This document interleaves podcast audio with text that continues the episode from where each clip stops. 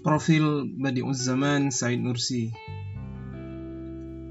Badi'uz Zaman Said Nursi lahir pada tahun 1877 Masehi di Turki Timur.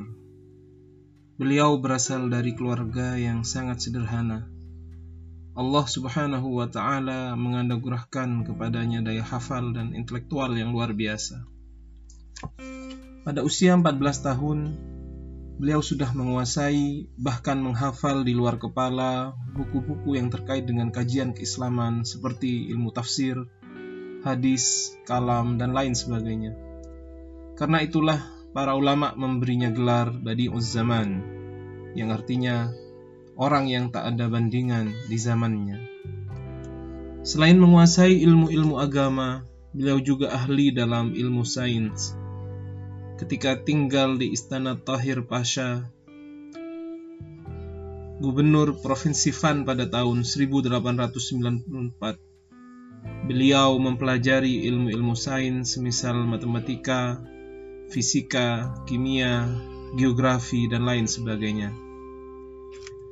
Dengan latar belakang pendidikan itu, beliau ingin mendirikan sebuah perguruan tinggi yang bernama Madrasatul Zahra atau Universitas Zahra dengan konsep dipadukannya ilmu agama dan sains.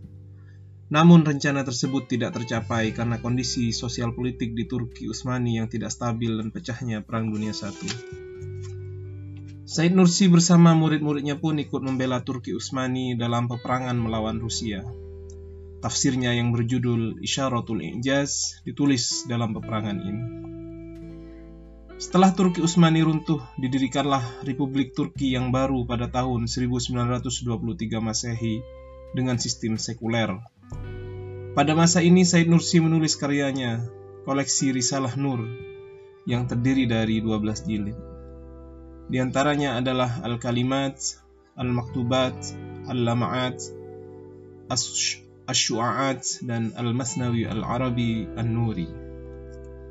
Beliau membahas rukun-rukun iman, urgensi ibadah, keikhlasan dalam beramal, dan seruan untuk persatuan umat Islam.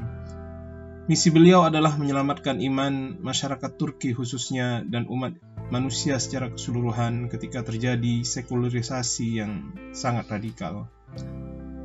Said Nursi wafat pada tahun 1960 Masehi.